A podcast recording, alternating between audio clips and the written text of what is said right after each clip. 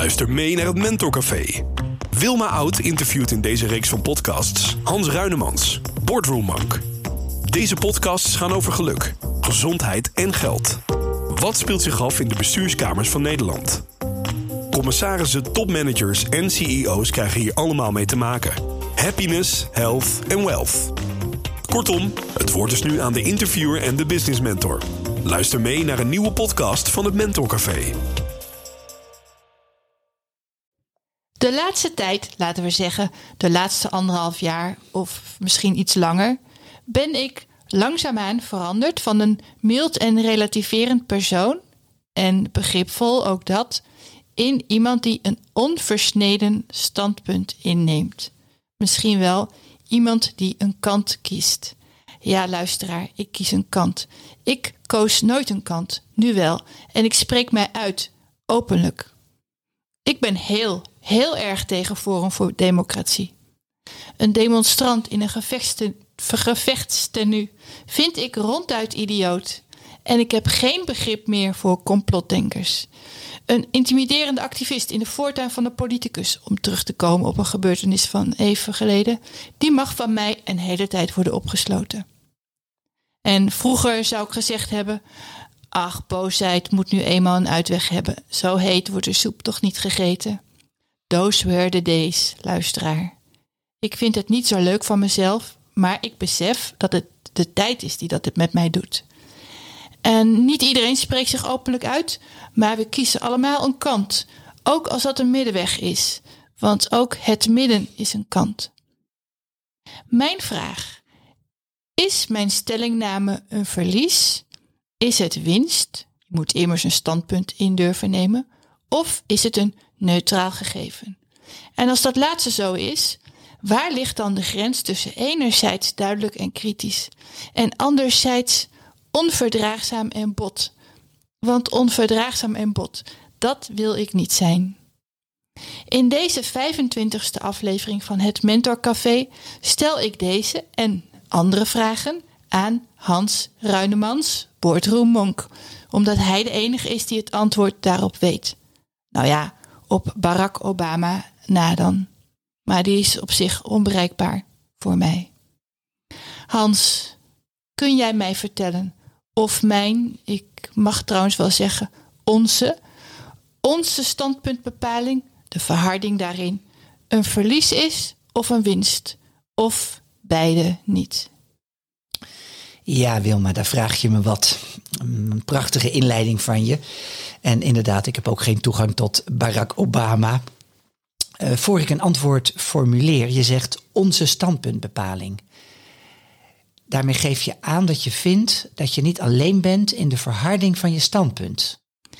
Uh, ja, inderdaad, onze. Dat zeg ik omdat ik een algehele ongenuanceerdheid meen te zien en te horen. Misschien worden we ook wel gedwongen hoor om ons uit te spreken of om een kant te kiezen. En je bedoelt vanwege de corona-gerelateerde malaise waar we in leven? Uh, ja, zeker. Hopelijk zitten we in de staart daarvan. Maar we hebben geen garantie daarop. We weten het gewoon niet. Ik neem trouwens geen standpunt in als het gaat om wel of niet vaccineren. Oh. Van mij mag nog steeds iedereen zelf die keuze maken. Mm en dat is natuurlijk ook een standpunt. En ik ben al helemaal geen voorstander van gedwongen vaccinatie. En ik vind het beleid van de overheid te onduidelijk. Dus een Rutte 4-fan ben ik ook niet. Maar het venijnige anti-vaccinatieactivisme, die anti-overheidsdoctrine, die maakt dat ik zelf ook ontzettend venijnig word. nou, ik hoop dat die venijnigheid uh, in deze podcast nog uh, binnen de perken blijft. Ik zeg oké, nou, uh, over het algemeen is het zo dat mensen altijd verharden zodra hun bestaanszekerheid op de helling gaat. Wat je ziet bij jezelf en bij anderen is dus niet zo raar. Bestaanszekerheid is in mijn geval wat een grote woord hoor. Nou, toch niet, want bestaanszekerheid is ook het beschermen wat jij deep down als zekerheden beschouwt.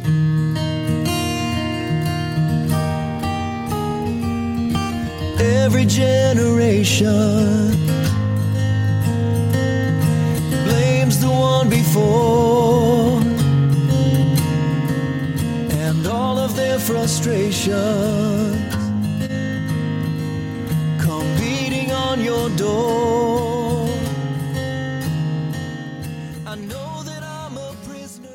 Dit is, eh, deze song heet The Living Years. Het origineel is van Mike and the Mechanics. En dit is een, uh, een cover. Voor mensen die zich afvragen waarom zo kort. Ja, het moet zo kort, anders moeten we dokken. Aan rechten. Dus. Juist. Nou, um, ik hoor jou zeggen dat mijn kritische houding, als dat een kritische houding is, dat dat volkomen logisch is. Ja. En de houding van de activistische antivaxers is op een bepaalde manier ook begrijpelijk. Ik heb het recht om te verharden. Een verharding, ja, verharden, verharding, dat is niet iets waar je blij mee moet zijn. Het maakt een mens ook niet sympathieker. Zodra anderen gaan zuchten bij het aanhoren van al jouw kritiek, dan moet je oppassen. Ja, dat gebeurt dan een beetje. Kijk, op een, uh, een heel kort door de bocht antwoord zit je natuurlijk ook niet te wachten. Nee, zeker niet. Deze podcast uh, duurt ongeveer een minuut of twintig. Zo, zo lang zijn ze. Soms een half uur. Ja. En meestal is dat al veel te kort. Overigens, luisteraar, je hebt het Mentorcafé enige tijd gemist. Dat kwam door het kerstreces, dat gevolgd werd door een januari-drukte. Daarna moesten we het ritme weer vinden. Vooral Hans moet ruimte zien te maken in zijn agenda om mij hierin te vergezellen. Maar dat is nu gelukt en we zijn weer helemaal terug, uitgerust en opgefrist en met veel zin in een nieuw seizoen van het Mentorcafé. Zo is dat. 25 uh, is toch een uh, mooi aantal op naar de 100. Zeker naar de 100. Uh, laat ik voor deze podcast jouw kwestie even samenvatten en dan zal ik ook proberen om er dieper op in te gaan. Ja, dat is goed. Je zegt, vroeger was ik mild en liberaal. Nou, liberaal heb ik niet gezegd, maar ik vind een goeie. Je vindt het een goeie? Een go ja, liberaal. Uh, nou, vroeger was je mild en liberaal. Tegenwoordig neem je duidelijk een standpunt in. En dat standpunt spreek je ook uit. En je vindt dat je daarin verhardt. Ik kies een kant, inderdaad. Nou, die duidelijke stellingname, want zo zie ik het, is dat vergaand dus breed op allerlei gebieden en in ook andere of in meerdere situaties. Nee, dat niet. In mijn private leven ben ik volgens mij nog steeds vriendelijk en welwillend, maar misschien dat anderen dat zouden tegenspreken.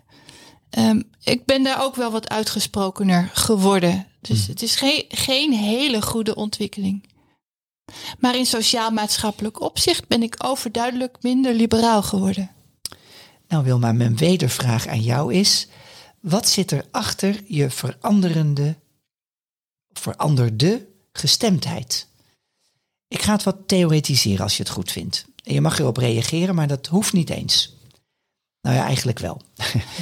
Wat erachter zou kunnen zitten, is dat je een realistischer beeld hebt gekregen op zaken van sociaal-maatschappelijke aard.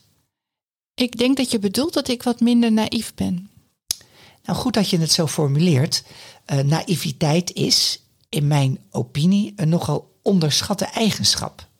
En het heeft voor heel veel mensen ook een negatieve connotatie. Maar dat is volgens mij onterecht. Naïviteit is ook heel positief. Een naïef persoon leeft meestal zonder terughoudendheid en is niet snel bang. Ja, daar herken ik mij in. Nou, en naïeve mensen leiden doorgaans een gevarieerder leven dan het, um, laten we zeggen, het behoudender deel van de bevolking. Uh, gevarieerd, inderdaad. Nou, terug naar de theorie achter je. Achter mijn afgenomen mildheid en mijn grotere stelligheid. Precies, te kunnen een paar oorzaken zijn. Bijvoorbeeld, en ik zeg niet dat het voor jou geldt, maar bijvoorbeeld dat je minder ontzag hebt voor autoriteiten dan vroeger. Ik kan me goed voorstellen dat dat in deze tijd uh, vaker voorkomt. Ontzag uh, brokkelt af. En hoe is dat bij jou? Nee, daar heb ik geen last van. Oké, nou ik heb er ook geen last van. Vooralsnog is het vertrouwen dat ik heb in de overheid groot genoeg. Maar ik leef natuurlijk ook best wel in goede omstandigheden. Ik voel me in geen enkel opzicht een gebeten hond. Dat lijkt een beetje op, met mij gaat het goed, maar in de samenleving gaat het slechter. Ja, en zo kom ik dan vanzelf bij een andere mogelijkheid van, laat ik het noemen, afgenomen mildheid. Er is een verharding opgetreden in de samenleving. Ik zei net al dat verharding plaatsvindt als bestaanszekerheden onder druk komen te staan. En over het algemeen vindt verharding plaats bij mensen die zich achtergesteld voelen ten opzichte van medeburgers. Dat begrijp ik. Voor mij geldt dat natuurlijk niet. Ik voel mij bevoorrecht ten opzichte van mijn medeburgers, hoewel ik mij heel erg verzet tegen dat woord. Tegen welk woord? Tegen medeburgers. Dat doet me uh, te veel denken aan een Polonaise. Ja, je hebt iets tegen Polonaises, hè? En ik heb iets tegen alles met mede. Mm -hmm. Oké, okay, en dan zal ja, een boerenschuur je ook niet aanspreken. Nee. Nou, uh, Polonaise in de boerenschuur, hè, dat bedoelde oh. ik. Ja, anders denk je, wat, wat doet opeens die boerenschuur nou? Nou, uh, je kunt dan wel, ja, wat mij betreft, weerstand voelen bij dat woord. Maar je maakt, zeg maar nu eenmaal, deel uit van een samenleving. En er zijn nog een aantal andere oorzaken, maar ik houd liever wat korter. Dus ik zal rechtstreeks gaan naar wat volgens mij van toepassing is op jou. Op mij en misschien op de luisteraar. Zeker. Trouwens, ik wil je eerst iets vertellen over het zondebokmechanisme. Oh, het zondebokmechanisme. Interessant. Als er spanning is in een, laten we zeggen, een samenleving, een groep, een klas. Het kan ook een land zijn, of een familie of gezin. En zelfs ook in een lichaam. Dan moet en zal die spanning een uitweg vinden. En die uitweg wordt altijd gevonden bij dat wat afwijkt. Dat wat niet lijkt op de norm, het normale. Als je kijkt naar een gezin, naar een spanning bij een gezin, of binnen een gezin, dan zal het gezinslid dat het meeste afwijkt van de rest de schuld krijgen van die spanning. Het kind dat niet zo goed kan meekomen. Bijvoorbeeld, of het driftige kind. In de maatschappij is de sociale groep die afwijkt van de norm de zondebok. Vluchtelingen en migranten. Inderdaad, die groepen zijn dan de zondebokken. Oh, don't blame me. me crazy if it doesn't you ain't doing it right Lord save me my drug is my baby I'll be using for the rest of my life I've been breaking hearts a long time and toying with hearts that are mine just play things for me to use Lekkere muziek. Dit is uh, het origineel is van Taylor Swift. En het is uh, gecoverd. Aha, juist. Don't blame me. het aparte is dat de zondebok zich doorgaans ook gaat gedragen als de schuldige. In een klas wordt de zondebok schichtig. In een gezin gaat de zondebok zich gedragen als een stoorzender. Asielzoekers en migranten trekken zich terug. Precies, die trekken zich terug. Ze missen dan de aansluiting bij de maatschappij en ze gaan op zichzelf dan een mini-maatschappij vormen. En zo is het self-fulfilling prophecy. Precies, helemaal. Nou, je begrijpt natuurlijk al dat daar ook weer spanning ontstaat. En die spanning moet eveneens afgevoerd worden en daar wordt dan weer een zondebok bij gezocht. Gerelateerd aan de coronacrisis zie je dat de relatieve stille meerderheid uh, de schuld van de spanning legt bij de radicale ongevaccineerden. Inderdaad, en die vormen dan weer een subgroep. En daar ontstaan natuurlijk ook spanningen. En die spanningen worden neergelegd op het hoofd van hun zondebok. En dat zijn wij dan, de schapen. Dus spanning wordt altijd neergelegd op het hoofd van een, ja, iemand, een zondebok. Ja, iemand die iets wat afwijkt. Mm -hmm. ja. En je zegt in een lichaam gebeurt dat ook. Ja, opgebouwde spanning in een lichaam zoekt ook een zondebok. En dan werkt het alleen iets anders. Dan ontstaan er bijvoorbeeld onverklaarbare klachten of afwijkend gedrag. Hoofdpijn, maagpijn, verslavingen ja, in een lichaam werkt het complexer, maar inderdaad. Nu terug naar mijn stellingname. Uh, je afgenomen mildheid, ik weet het nog, inderdaad. Mijn verharding. Goed, je verharding. Ik vermijd nu even het zondebokmechanisme. Vermoedelijk neem je een duidelijker standpunt in, omdat je een tegengeluid wil laten horen, ook al is het maar in een kleine kring. Je wil laten weten dat je het niet eens bent met de ontwikkelingen, wat die ontwikkelingen ook zijn. Er kan ook sprake zijn van een moralistische intentie. Je wil laten weten dat de ander het allemaal verkeerd ziet en doet. Vaak heeft, ik zeg niet dat jij dat bent, maar vaak heeft de overmatige criticaster, om het maar even zo te noemen, ook een veroordelende toon. Je matigt je een oordeel aan. Kritiek, ook jouw kritiek, is nooit positief of constructief of opbouwend. Eh, nee, dat is inderdaad pijnlijk om te horen. Ja, het was niet mijn bedoeling om je nou pijn te doen. Je mag oei zeggen. Ja, nou oké. Ja, dat, is, dat is misschien wat lichter. Nou, laat ik dan zeggen, oef. Oké. Toch? Oh ja, nee, je zegt ik, dat je het zondebokmechanisme eh vermijdt. Ja. En ik zelf vermoed dat ik dat toch wel doe hoor. Ik geef ook anderen de schuld. Oké, die uitspraak laat ik dan even voor wat het is. Een kritische houding is verder prima, want een kritische houding betekent immers dat je niet zomaar iets aanvaardt of gelooft. Je bent kritisch. Het is dus het tegenovergestelde van een volgzame houding. En in het beste geval is kritiek neutraal. In ieder geval moet het niet veroordelend zijn. En dat is het meestal wel. Omgaan met kritiek is lastig, ook als je de criticus bent. Er zit ook al gauw een waardeoordeel in je eigen kritiek. Zeker. En harde kritiek, vanochtend hoorde ik dat nog eh, in een telefoongesprek, met veel grote woorden, is onbetwist oordelen en veroordelen. Primair veroorzaak je bij jezelf een slecht humeur. Dat zei ik ook tegen degene die ik eh, coachte. Secundair bereik je ermee dat de tegenstander, om het maar zo even te noemen, zich ook verhardt. Eh, het is moeilijk om van jezelf te zien dat je te kritisch bent. Ja, dat klopt. Je omgeving is daarbij of daarin belangrijk. Ik heb er een voorbeeld van. Een ander voorbeeld. Ik ben business mentor. Een aantal jaar geleden had ik een mentee, zo heet dat, wiens gedrag op zijn werk ontzettend negatief werd ervaren.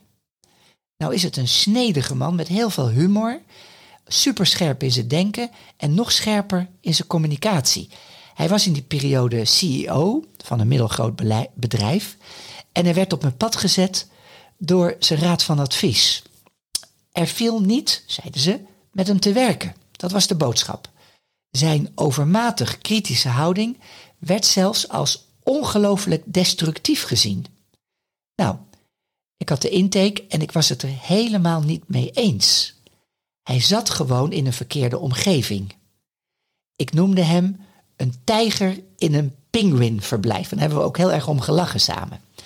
Op mijn aanraden is hij daar weggegaan. En nu werkt hij bij een andere organisatie.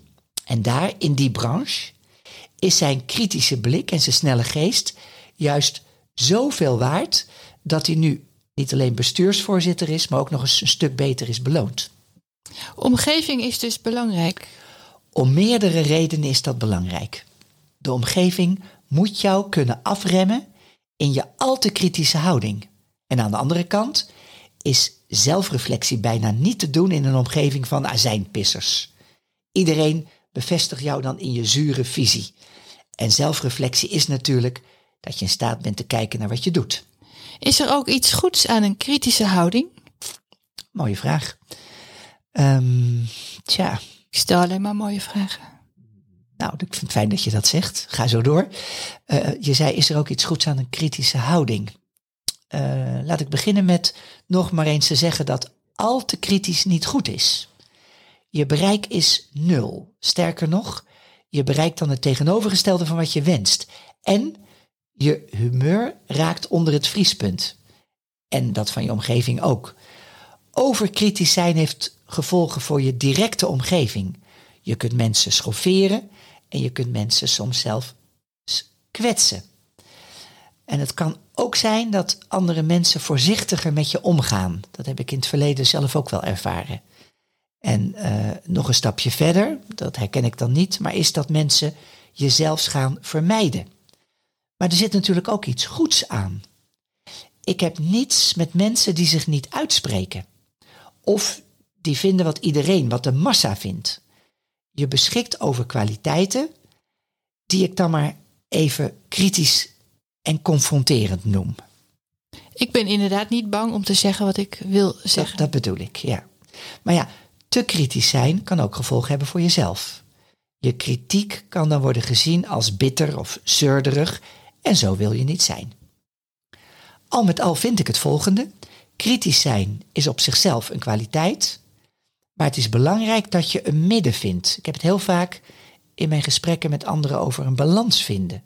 Tussen in dit geval enerzijds aanvaarden dat het is zoals het is en anderzijds je kritiek kalm laten horen. Wat je ook doet, handel altijd vanuit rust. Altijd. Eigenlijk is er nog een dieper liggend leerdoel.